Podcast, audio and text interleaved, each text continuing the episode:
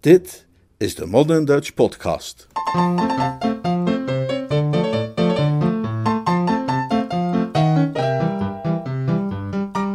Jeeves is uniek. Een verhaal uit de pseudoroman The Inimitable Jeeves van P.G. Woodhouse, vertaald en voorgelezen door Leonard Beuger.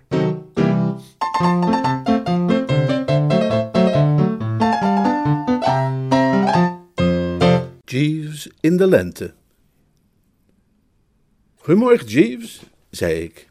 Goedemorgen, meneer, zei Jeeves. Zachtjes zette hij het vertrouwde kopje thee neer op het tafeltje naast mijn bed en ik nam er een verkwikkend teugje van. Precies goed zoals gewoonlijk. Niet te warm, niet te zoet, niet te slap, niet te sterk, niet te veel melk en geen druppel gemorst op het schoteltje. Een verbijsterende figuur, die Jeeves, in alle opzichten zo razend competent. Ik heb het eerder gezegd en dat blijf ik ook doen. Ik bedoel maar, neem nu eens zoiets kleins als bijvoorbeeld. Elke andere bediende die ik ooit heb gehad, kwam s'morgens mijn kamer binnenstampen terwijl ik nog lag te slapen met alle ellende van dien. Maar Jeeves lijkt precies te weten wanneer ik wakker word, middels een soort van telepathie. Hij komt altijd pas binnenzweven met de thee wanneer ik juist twee minuten terug ben in het land der levenden. En dat maakt een wereld van verschil voor iemands dag. Hoe is het weer, Jeeves? Buitengemeen zacht, meneer. En staat er nog iets in de krant? Er dreigt een lichte frictie in de Balkan, meneer. Voor het overige niets. Zeg, Jeeves, Gisteren zei iemand op de club tegen me dat ik mijn laatste cent zou moeten inzetten op vrij buiten in de race van twee uur vanmiddag. Wat zeg jij daarvan? Ik zou het niet willen aanbevelen, meneer. Die stal is niet strikt vol bloed, vrees ik. Meer hoefde ik niet te horen. Jeeves weet die dingen gewoon. Hoe hij ze weet is een raadsel, maar hij weet ze gewoon. Ooit zou ik er eenvoudig om hebben gelachen, tegen zijn advies in toch mijn zin hebben gedaan en tot op mijn hemd zijn uitgekleed, maar nu niet meer. Oh, en over hemden gesproken, zei ik. Zijn die mauve exemplaren aangekomen die ik besteld had? Ja, meneer, maar ik heb ze teruggestuurd. Teruggestuurd? Ja, meneer. Ze zouden u niet hebben gestaan. Tja. Ik moet zeggen dat ik me van die overhemden heel wat had voorgesteld, maar bij zijn hoge inzicht legde ik mij dadelijk neer. Zwak? Ik weet het niet. De meeste kerels vinden ongetwijfeld dat hun bedienden zich horen te beperken tot het persen van een keurige vouw in hun broek en dergelijke, zonder zich actief met de leiding van het huishouden te bemoeien. Maar met Jeeves is dat anders. Vanaf de allereerste dag dat hij bij mij was, heb ik hem beschouwd als een soort gids een waar filosoof en een vriend. Mr. Little telefoneerde zojuist, meneer. Ik heb hem meegedeeld dat u nog niet was ontwaakt. Heeft hij een uh, boodschap achtergelaten? Nee, meneer. Hij meldde dat hij een belangrijke kwestie met u te bespreken had, maar heeft mij de details daarvan niet toevertrouwd. Oh, nou ja, ik zie hem straks waarschijnlijk wel op de, op de club. Ongetwijfeld, meneer. Ik was niet wat je zou kunnen noemen koortsachtig benieuwd. Bingo Little is een knaap waar ik mee op school ben geweest en met wie ik nog altijd veel omga. Hij is een neef van de oude Mortimer Little, die zich onlangs met zijn schaapjes keurig op het droge uit zijn bedrijf heeft teruggetrokken. U heeft waarschijnlijk wel eens gehoord van Little's lanoline, de zalf voor een lenig lijf.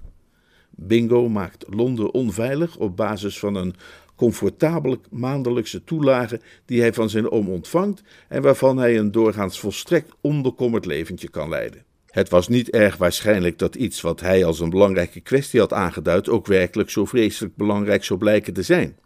Ik nam aan dat hij een nieuw merk sigaretten had ontdekt of zo, die hij mij wilde laten proeven, en ik liet mijn ontbijt niet bederven door me daar zorgen over te gaan maken.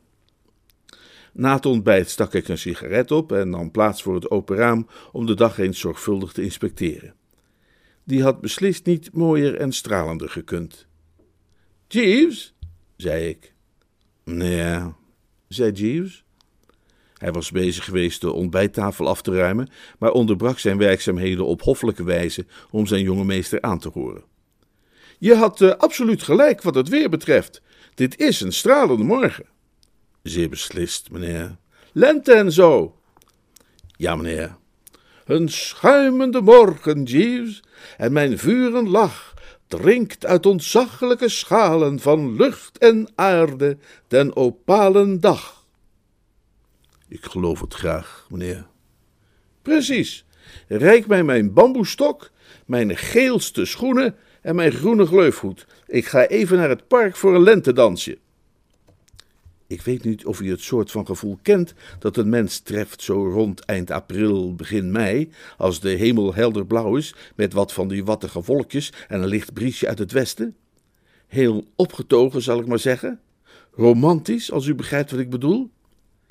Ik ben niet zo'n vrouwenversierder of Casanova, maar op deze speciale ochtend leek het me dat waar ik nu echt behoefte aan had was dat er een aantrekkelijk meisje kwam opdagen dat me vroeg om haar te redden van een stel moordenaars of iets dergelijks.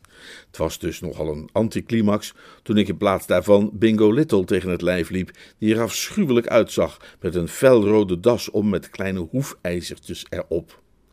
Hallo Bertie, zei Bingo. Goeie hemel, man, reutelde ik. Die strop, die kravat, waarom, hoezo? Oh, die das. Hij bloosde. Ja, die, uh, dat was een geschenk. Het bracht hem kennelijk in verlegenheid, dus ik liet het onderwerp verder maar rusten.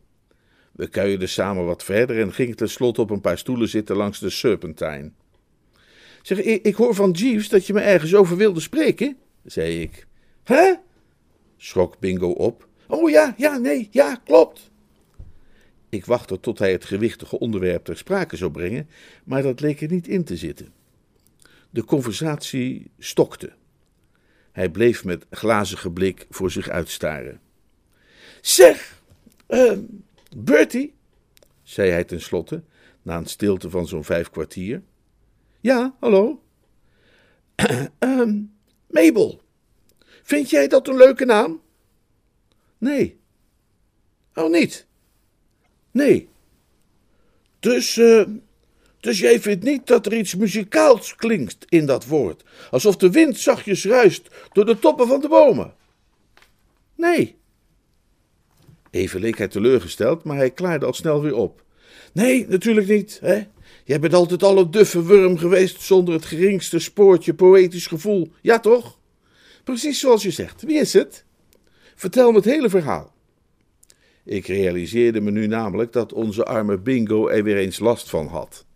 Zolang als ik hem ken, en wij hebben samen op school gezeten, is hij eeuwig en altijd maar weer op iemand verliefd geworden, en dan vooral in de lente, die een soort magische uitwerking op hem bleek te hebben.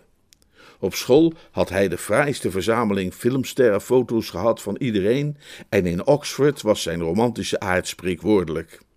Nou, kom met me mee, dan stel ik je aan haar voor tijdens de lunch zei hij terwijl hij op zijn horloge keek. Prima voorstel, zei ik. Waar zien we haar in de rits? Nou, uh, vlakbij de rits. Geografisch was dat inderdaad juist. Een kleine vijftig meter ten oosten van de Ritz is zo'n treurig thee- en broodjeszaakje, zoals je overal in Londen kunt vinden. En daar schoot Bingo naar binnen, geloof het of niet, als een konijn in zijn holletje. Voordat ik een woord kon zeggen, zaten we samen geperst aan een tafeltje aan de rand van een kille en eenzame plas koffie die een vroege lunchgast daar had achtergelaten. Ik moet zeggen dat ik de wendingen van het script zo snel niet kon volgen. Bingo zwom wel niet echt in het geld, maar hij beschikte toch altijd wel over een redelijke zakcent. Ik wist dat hij, naast wat hij van zijn oom kreeg, het seizoen voor het hindernisrennen behoorlijk in de zwarte cijfers had weten af te sluiten. Dus waarom zou hij een meisje voor de lunch uitnodigen in zo'n godverlaten eetent als dit? Het gebrek aan geld kon het niet zijn. Op dat moment verscheen er een dienstertje aan onze tafel om de bestelling op te nemen. Leuk meisje trouwens. Zeg, zullen wij niet even wachten op. Uh, begon ik te zeggen, want het leek me toch wel een beetje te ver gaan dat Bingo niet alleen iemand voor de lunch had gevraagd in een etablissement als dit, maar zich bovendien op de voedselvoorraad wilde storten voordat ze zelf maar was gearriveerd. Maar toen zag ik zijn gezicht en ik zweeg verder. Smans ogen puilden uit. Zijn volledige fysionomie was overtogen met een weelderige blos. Hij zag eruit als het ontwaken der ziel, geheel uitgevoerd in roze.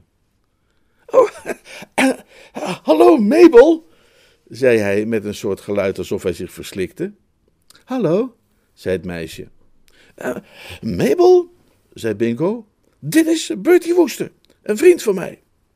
Hoe maakt u het? zei ze. Lekker weertje. Uh, heerlijk, zei ik. Ik, uh, ik, ik heb je das om, zie je wel, zei Bingo. Nou, hij staat je geweldig, zei het meisje.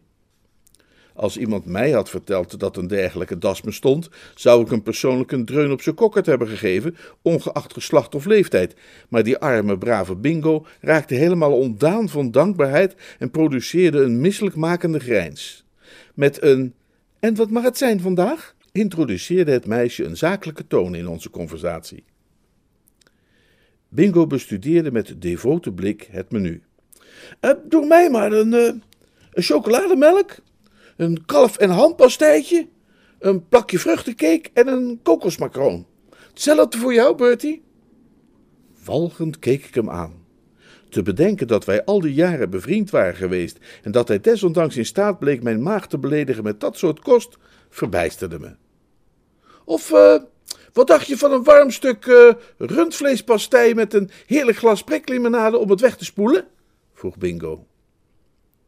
De manier waarop de liefde een mens veranderen kan, weet u, is eenvoudig te ijzingwekkend om over na te denken.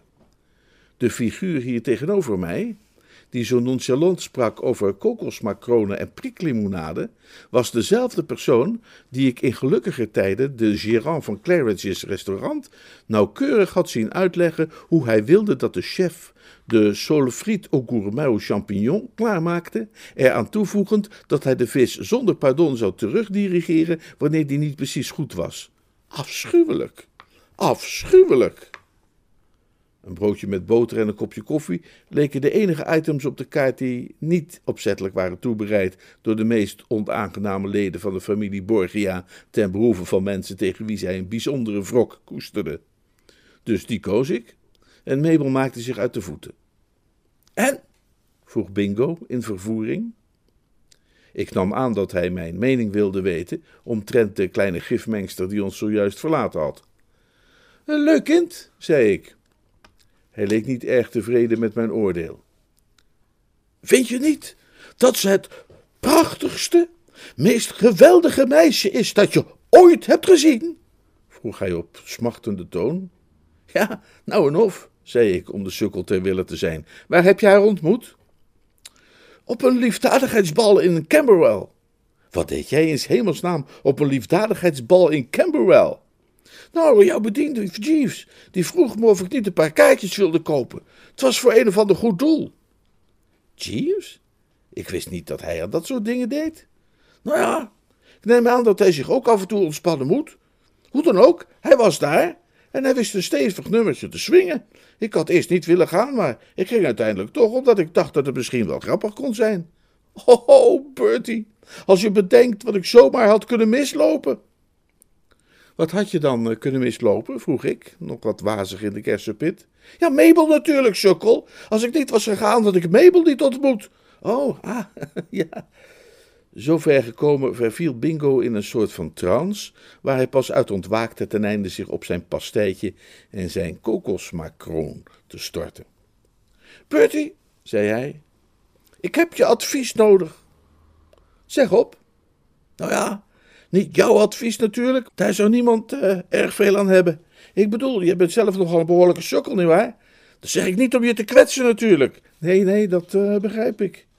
Maar eh, wat ik zou willen dat je doet, is deze hele kwestie eens voor te leggen aan die Jeeves van jou, om te zien wat hij ervan zegt. Je hebt me vaak verteld dat hij andere vrienden van jou uit de soep heeft weten te halen. Naar wat ik van jou hoor, is hij bij jullie thuis het brein. Hij heeft me nog nooit teleurgesteld. Leg hem mijn geval dan eens voor. Welk geval? Mijn probleem. Ja, wat voor probleem? Nou, Dat met mijn oom natuurlijk, druil hoor. Wat dacht je dat mijn oom hiervan ging zeggen? Als ik hem dit fris van de lever vertel, krijgt hij ter plekke een rolberoerte. Aha, hij is zo'n uh, emotioneel type dus.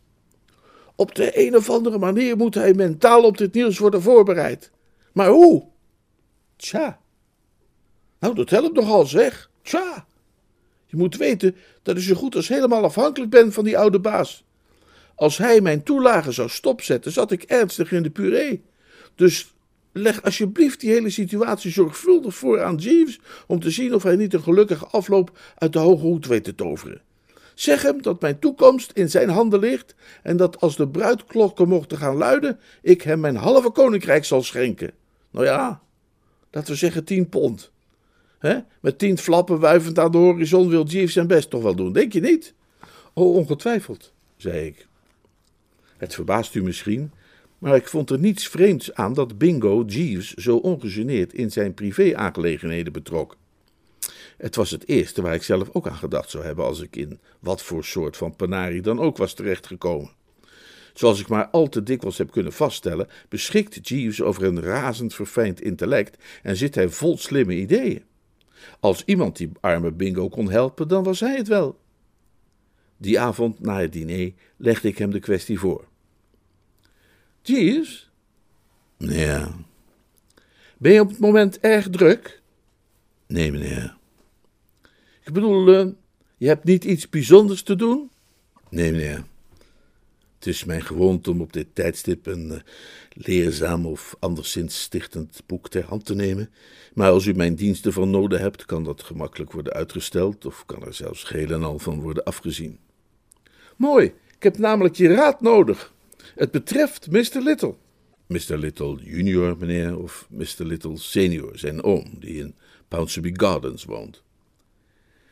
Jeeves leek wel alles te weten. Wonderbaarlijk.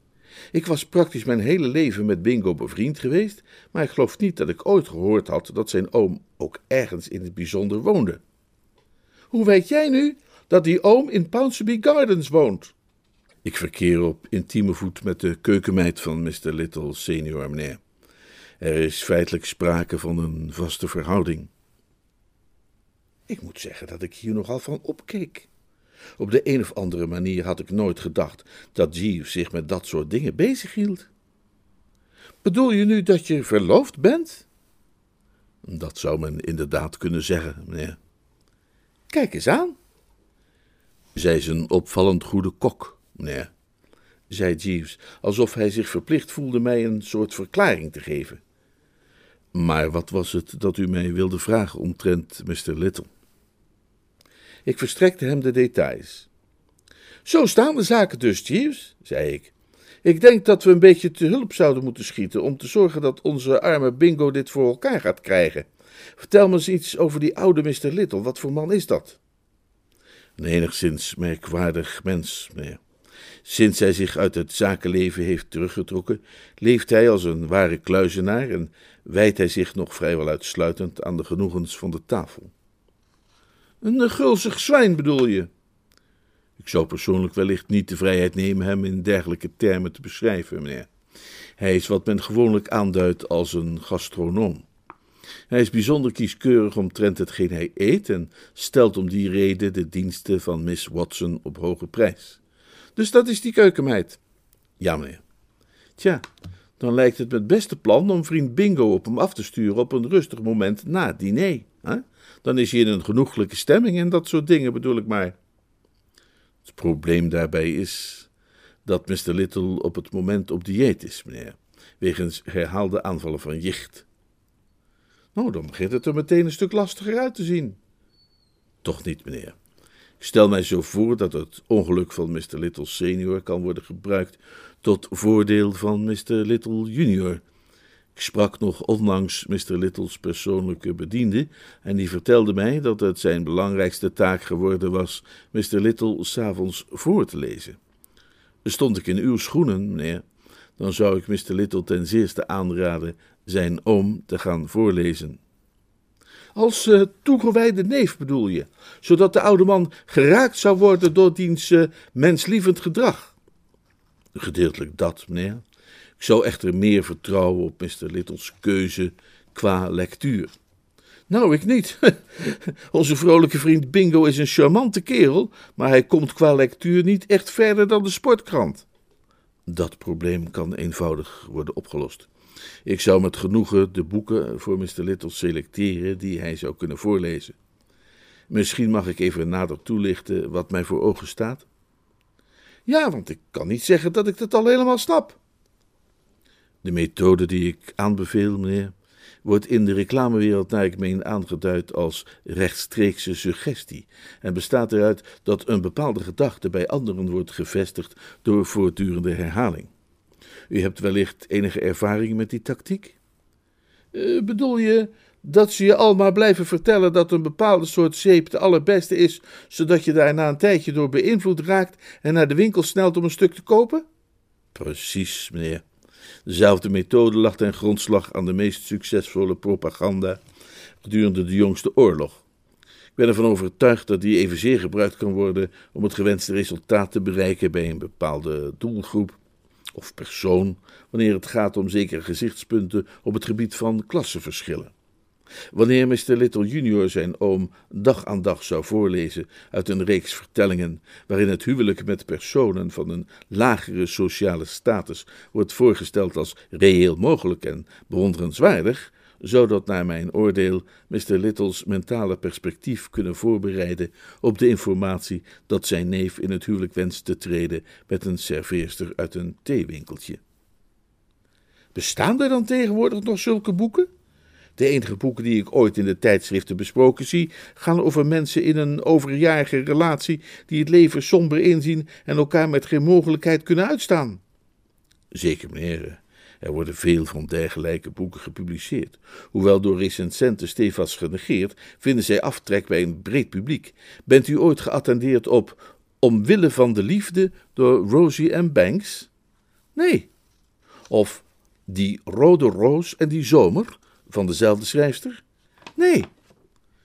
Ik heb een tante die een vrijwel volledige collectie bezit van de boeken van Rosie M. Banks.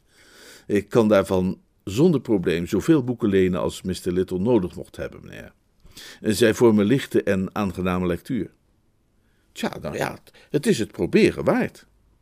Het is een plan dat ik u zeker zou aanraden, meneer. Nou, goed dan. Ga morgen dan maar even bij je tante langs voor een paar van de sappigste exemplaren. Baat het niet, dan schaadt het niet. Precies, meneer. Drie dagen later kwam Bingo verslag uitbrengen. Roseanne Banks bleek een schot in de roos en precies wat de manschappen nodig hadden.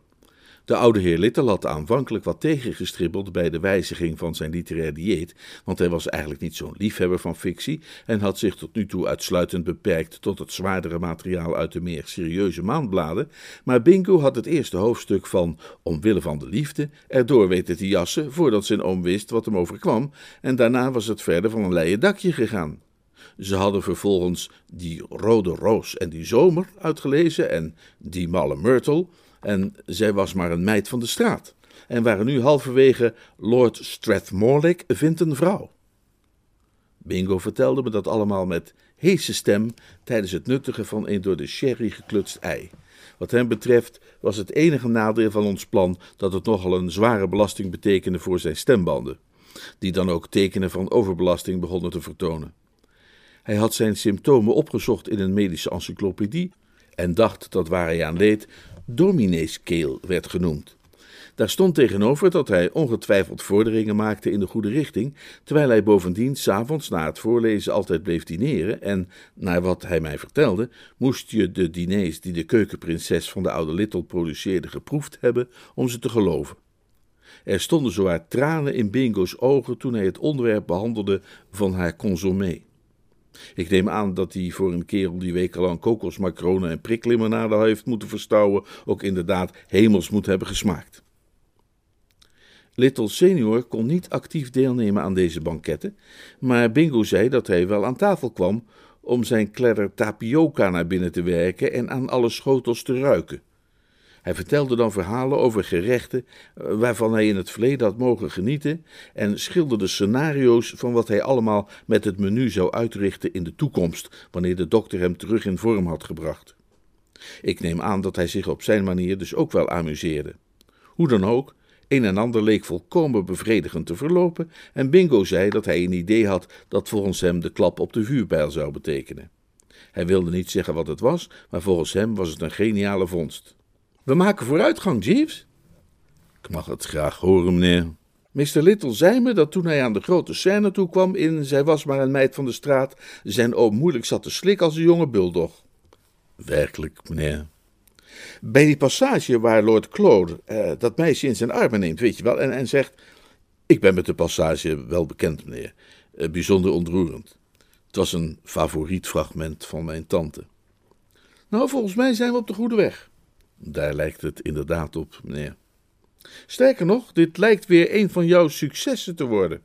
Ik heb altijd gezegd, en dat zal ik ook blijven zeggen, dat wat hersens betreft, Jeeves, jij werkelijk uniek bent. Alle andere grote denkers van onze tijd vormen eenvoudig het peloton, jij streeft hen voorbij. Dank u zeer, meneer. Ik streef naar uw tevredenheid. Zowat een week later kwam Bingo aanwaaien met het nieuws dat zijn oom geen last meer had van zijn jicht en dat hij met onmiddellijke ingang weer met mes en vork in de weer zou gaan, als vanouds. En voor ik het uh, vergeet, zei Bingo, hij wil graag dat jij morgen bij hem komt lunchen. Wie, ik? Hoezo? Hij weet niet eens dat ik besta. Oh jawel, dat doet hij wel degelijk. Ik heb hem over jou verteld. Wat heb je hem dan over mij verteld? Oh, van alles. Maar hoe dan ook, hij wil jou graag ontmoeten. En ik zou maar gaan ook als ik jou was, want volgens mij wordt die lunch van morgen iets bijzonders. Ik weet niet waar het hem in zat, maar eigenlijk vond ik toen al dat er iets vreemds was. Iets sinisters, zou ik haast willen zeggen, in de manier waarop Bingo zich gedroeg. Het was alsof die lummel iets in zijn schild voerde. Daar zit vast een addertje onder het gras, zei ik. Waarom zou jouw oom nu iemand die hij nog nooit gezien heeft voor de lunch uitnodigen? Ja, maar brave sukkel, dat heb ik toch net gezegd.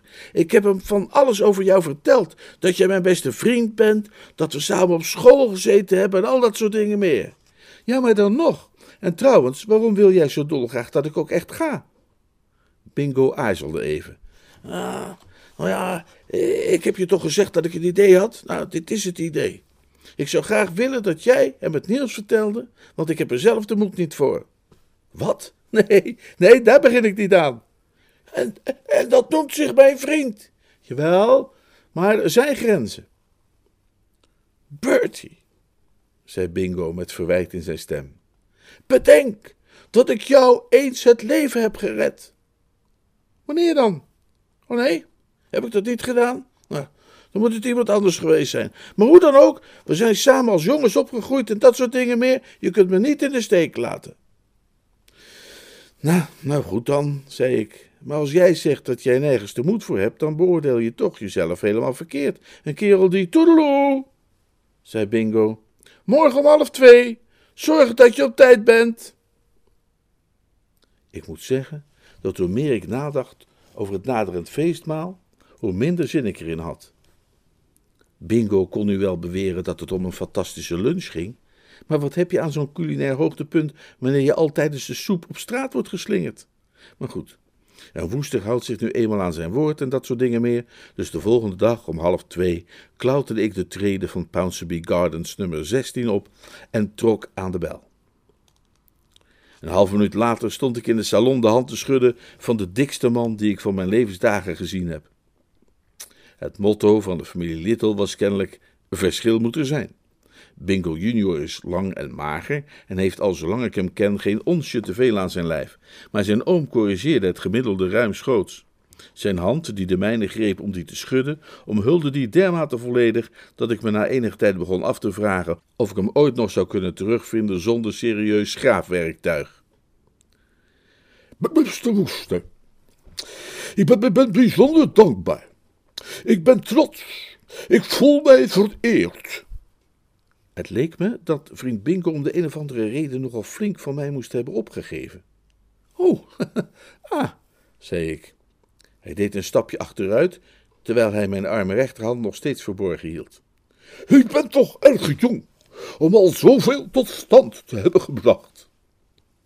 Die gedachtegang kon ik niet direct volgen. Mijn familie, in bijzonder mijn tante Agatha, die mij van jongs af aan onophoudelijk heeft bekritiseerd, heeft er nooit een misverstand over laten bestaan dat ik een nutteloos en onbeduidend leven leid en dat ik, sinds ik op de lagere school een prijs won voor de mooiste verzameling wilde bloemen bijeengebracht tijdens de zomervakantie, nooit ook nog maar iets heb gepresteerd dat mij een plaatsje zou kunnen bezorgen op de nationale erelijst. Ik vroeg me af of hij me niet per ongeluk met iemand anders verwarde, toen beneden in de hal de telefoon rinkelde en even later de meid binnenkwam om te zeggen dat iemand mij wilde spreken. Ik zoefde naar beneden en stelde vast dat het Bingo was aan de andere kant van de lijn. Hallo, zei onze Bingo. dus je bent gearriveerd. Mooi, ik wist dat ik op je kon rekenen. Zeg, beste knul, was mijn oom blij om je te zien? Hij lijkt stapeldol op je, ik begrijp er niets van. Ja, dat klopt. Daarom bel ik op, om dat uit te leggen. Het is namelijk zo, beste kerel. Ik hoop niet dat je het erg vindt, maar ik heb tegen hem gezegd dat jij de schrijver bent van die boeken die ik hem aan het voorlezen ben. Wat? Ja, ik heb gezegd dat Rosie M. Banks jouw nom de plume is. Maar dat je niet wilt dat iedereen dat weet, omdat je zo'n bescheiden en ingetogen mens bent. hij zal nu beslist naar je luisteren. Wat heet, hij zal, hij zal aan je lippen hangen. Ideetje, hè? Ik, ik, ik denk dat zelfs die jeans van jou daar nog een puntje aan kon zuigen. Maar goed, leg het er stevig bovenop, beste knul. En hou vooral ook goed voor ogen dat mijn toelage moet worden verhoogd. Ik kan onmogelijk trouwen op wat ik nu krijg. Als we willen dat deze film eindigt met het langzaam vervagende beeld van een gelukzalige omhelzing, dan is minstens een verdubbeling vereist. Oké, dan weet je dat. Cheerio! En hij hing op. Op dat moment weer klonk de gong en kwam mijn hartelijke gastheer de trap afstommelen met een kabaal alsof de wintervoorraad antraciet werd afgeleverd. Ik kijk altijd naar die lunch terug met spijt en pijn. Het was een lunch zoals je die maar eens in je leven krijgt voorgeschoteld en ik was niet in staat om die op de juiste waarde te schatten. Onbewust begreep ik wel, als u begrijpt wat ik bedoel, dat dit iets heel speciaals was, maar ik was dermate gespannen door de gruwelijke situatie waarin Bingo mij had gemanoeuvreerd, dat de diepere betekenis ervan niet werkelijk tot mij doordrong. Het grootste deel van de tijd had ik net zo goed een bord zaagsel kunnen zitten leeglepelen. De oude heer bespeelde van meet af aan de literaire snaar. Mijn neef heeft u waarschijnlijk wel verteld dat ik de laatste tijd een intensieve studie gemaakt heb van uw boeken, begon hij. Ja, hij heeft het inderdaad genoemd. Hoe, uh, hoe vond u die bliksemse dingen?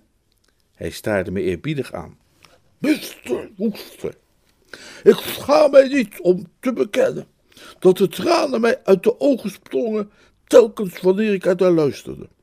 Het verbaast me dat een man zo jong als u in staat is geweest om de menselijke natuur zozeer tot in zijn diepste diepten te peilen, om de harten van uw lezers zo feilloos in hun tedere kern te treffen, om romans te schrijven die zo waar, zo wezenlijk, zo menselijk en zo ontroerend zijn. Ach ja, het, het, uh, het is een slag, hè? De transpiratie parelde inmiddels rijkelijk op mijn voorhoofd en ik kon me niet herinneren dat ik ooit zo akelig gespannen was geweest. Vindt u het hier misschien wat te warm? Oh nee, nee, nee nee, uh, precies goed. Dan zal het de peper zijn. Als mijn keukenmeid één foutje bezit, iets wat ik niet graag zou willen toegeven, dan is het misschien dat zij wat royaal omgaat met de peper. Tussen haakjes. Hoe vindt u dat zij kookt? Ik was zo opgelucht dat we even op een ander onderwerp kwamen dan mijn literaire prestaties, dat ik in een welluidende bariton uitgebreid haar lof bezong. Dat mag ik dan heel graag horen, meneer Woester. Ik ben misschien bevooroordeeld, maar naar mijn oordeel is die vrouw geniaal begaafd. Absoluut, zei ik. Zij is nu zeven jaar bij mij in dienst. En ik kan me niet dat zij in al die tijd ooit ook maar één keer van de allerhoogste standaard is afgeweken. Misschien die ene keer in de winter van 1917, toen een purist aanmerkingen zou kunnen hebben gemaakt op een zekere mayonaise van haar, die wat minder romig was uitgevallen. Maar daar waren verzachtende omstandigheden. Er waren juist luchtaanvallen geweest. En ongetwijfeld hadden die de arme vrouw nogal aangegrepen. Maar niets is volmaakt in deze wereld, Mr. Woestijn. En ook ik heb mijn kruis te dragen gekregen, want zeven jaar lang heb ik in voortdurende angst geleefd dat de een of andere kwaadwillige haar uit mijn dienst zou willen weglokken. Ik weet dat zij ook inderdaad meerdere aanbiedingen heeft gekregen, lucratieve aanbiedingen mag ik wel zeggen, om elders een betrekking te aanvaarden. U kunt zich mijn consternatie voorstellen, Mr. Woester, toen ze juist deze morgen haar ontslag nam. Goeie hemel, uw ontsteltenis siert, als ik dat zo mag zeggen, de auteur van die rode roos en die zomer. Maar ik ben dankbaar u te kunnen zeggen dat het ergste niet is gebeurd. De kwestie is in goede banen geleid. Jane gaat niet bij mij weg. Dat is zwijnen. Inderdaad, zwijnen. Hoewel die uitdrukking mij onbekend is. Ik, ik geloof ook niet dat ik die ben tegengekomen in een van uw boeken. En, en, en over uw boeken gesproken? Laat me u zeggen, wat me feitelijk nog meer heeft aangesproken dan de roerende sensitieve aard van de vertellingen als zodanig, is uw levensfilosofie. Wanneer er meer mensen waren zoals u, Mr. Woester, dan was Londen een betere plek. Dit stond lijnrecht tegenover de levensfilosofie van mijn tante Agatha, die mij altijd juist te verstaan heeft gegeven dat het de aanwezigheid is van knapen zoals ik, die Londen maken tot een poel des verderfs. Ik liet dat evenwel voor wat het was. Laat, laat, laat me u zeggen, Mr. Woester. Hoezeer ik uw grandioze verwerping eerbiedig van de obsolete normen van ons kortzichtig maatschappelijk stelsel. Ja, ik bewonder die. U bent wijs en groothartig genoeg om te beseffen dat iemands maatschappelijke rang niet meer is dan een uiterlijk kleed en dat in de waarlijk grootste woorden van Lord Bletchmore uit zij was maar een meid van de straat, een goede vrouw, al mocht haar afkomst nog zo nederig zijn, niet onderdoet voor zelfs de chicste dame van de ganse wereld. Ik ging rechtop zitten. Deksels, vindt u dat werkelijk? Ja, jazeker, Mr. Woester. Ik moet tot mijn schande bekennen dat er een tijd is geweest waarin ik met zoveel anderen mij als een slaaf gedroeg ten opzichte van de idiote maatschappelijke conventie die wij standsoortschil noemen. Maar sinds ik uw boeken lees. Ik had het kunnen weten. Jeeves had het hem weer geflikt. Dus, dus u vindt het oké als een gast uit, zeg maar, de betere kringen een meisje trouwt uit, uh, wat je zou kunnen noemen, de lagere stand? Oh, maar dat vind ik beslist, Mr. Woester. Ik haalde diep adem en verkondigde hem het goede nieuws. Vriend Bingo, uw neef, weet u wel, wil met een serveerster trouwen, zei ik. Dat doet hem stijgen in mijn achting, zei de oude heer Little. U heeft daar geen bezwaar tegen. Integendeel, integendeel. Ik haalde nogmaals diep adem en boorde nu ook het wereldse aspect van de kwestie aan. Ja, ik, ik, wil me natuurlijk niet met uw zaken bemoeien en dat soort dingen meer, zei ik. Maar, uh, nou ja, hoe zit het wat dat betreft met, uh, u weet wel. Ik ben bang dat ik het niet helemaal volgen kan. Nou ja, ik bedoel, uh, met zijn toelagen en zo. Het geld dat u zo vriendelijk bent hem te geven. Hij hoopte eigenlijk dat u misschien het totaal nog wat zou kunnen opkrikken. Little senior schudde meewarig het hoofd. Ik vrees dat dat er helaas niet in zit. U zult begrijpen dat een man in mijn positie elke penning nog eens zal moeten omdraaien. Ik ben gaarne bereid de huidige toelage van mijn neef te continueren, maar verder kan ik werkelijk niet gaan. Het zal niet rechtvaardig zijn ten opzichte van mijn vrouw. Wat? Maar u bent toch niet getrouwd? Nog niet, nee, nee. Maar ik zal zeer binnenkort die gewijde staat mogen intreden. De, de, dame die jarenlang zo uitstekend voor mij heeft gekookt, heeft mij juist deze morgen de eer verleend mijn aanzoek te aanvaarden. Een kille glans van triomf verscheen in zijn ogen. En als ze haar nu nog maar eens bij me probeerde weg te krijgen. De jonge heer Little heeft vanmiddag herhaaldelijk geprobeerd u telefonisch te bereiken, meneer. Zei Jeeves toen ik die avond thuis kwam. dat wil ik geloven, ja, zei ik. Ik had die arme bingo na de lunch een synopsis gezonden van wat er die middag gebeurd was. Hij leek enigszins geagiteerd, meneer. Dat verbaast me ook niets, uh, Jeeves, zei ik. Zet je maar schrap en klem je tanden stevig op elkaar. Ik ben bang dat ik slecht nieuws voor je heb. Dat pannetje van jou, met dat voorlezen van die boeken aan Mr. Little Senior en al die dingen, is lelijk in het water gevallen. Zij wisten zijn hart niet te vermurwen. Ja, nou en of. En dat is juist het probleem. Het spijt me je te moeten zeggen, is maar jouw fiancée, Miss Watson, weet je wel, de keukenmeid. Nou ja, om een lang verhaal kort te maken. Ze heeft rijkdom verkozen boven eenvoud en rechtschapenheid.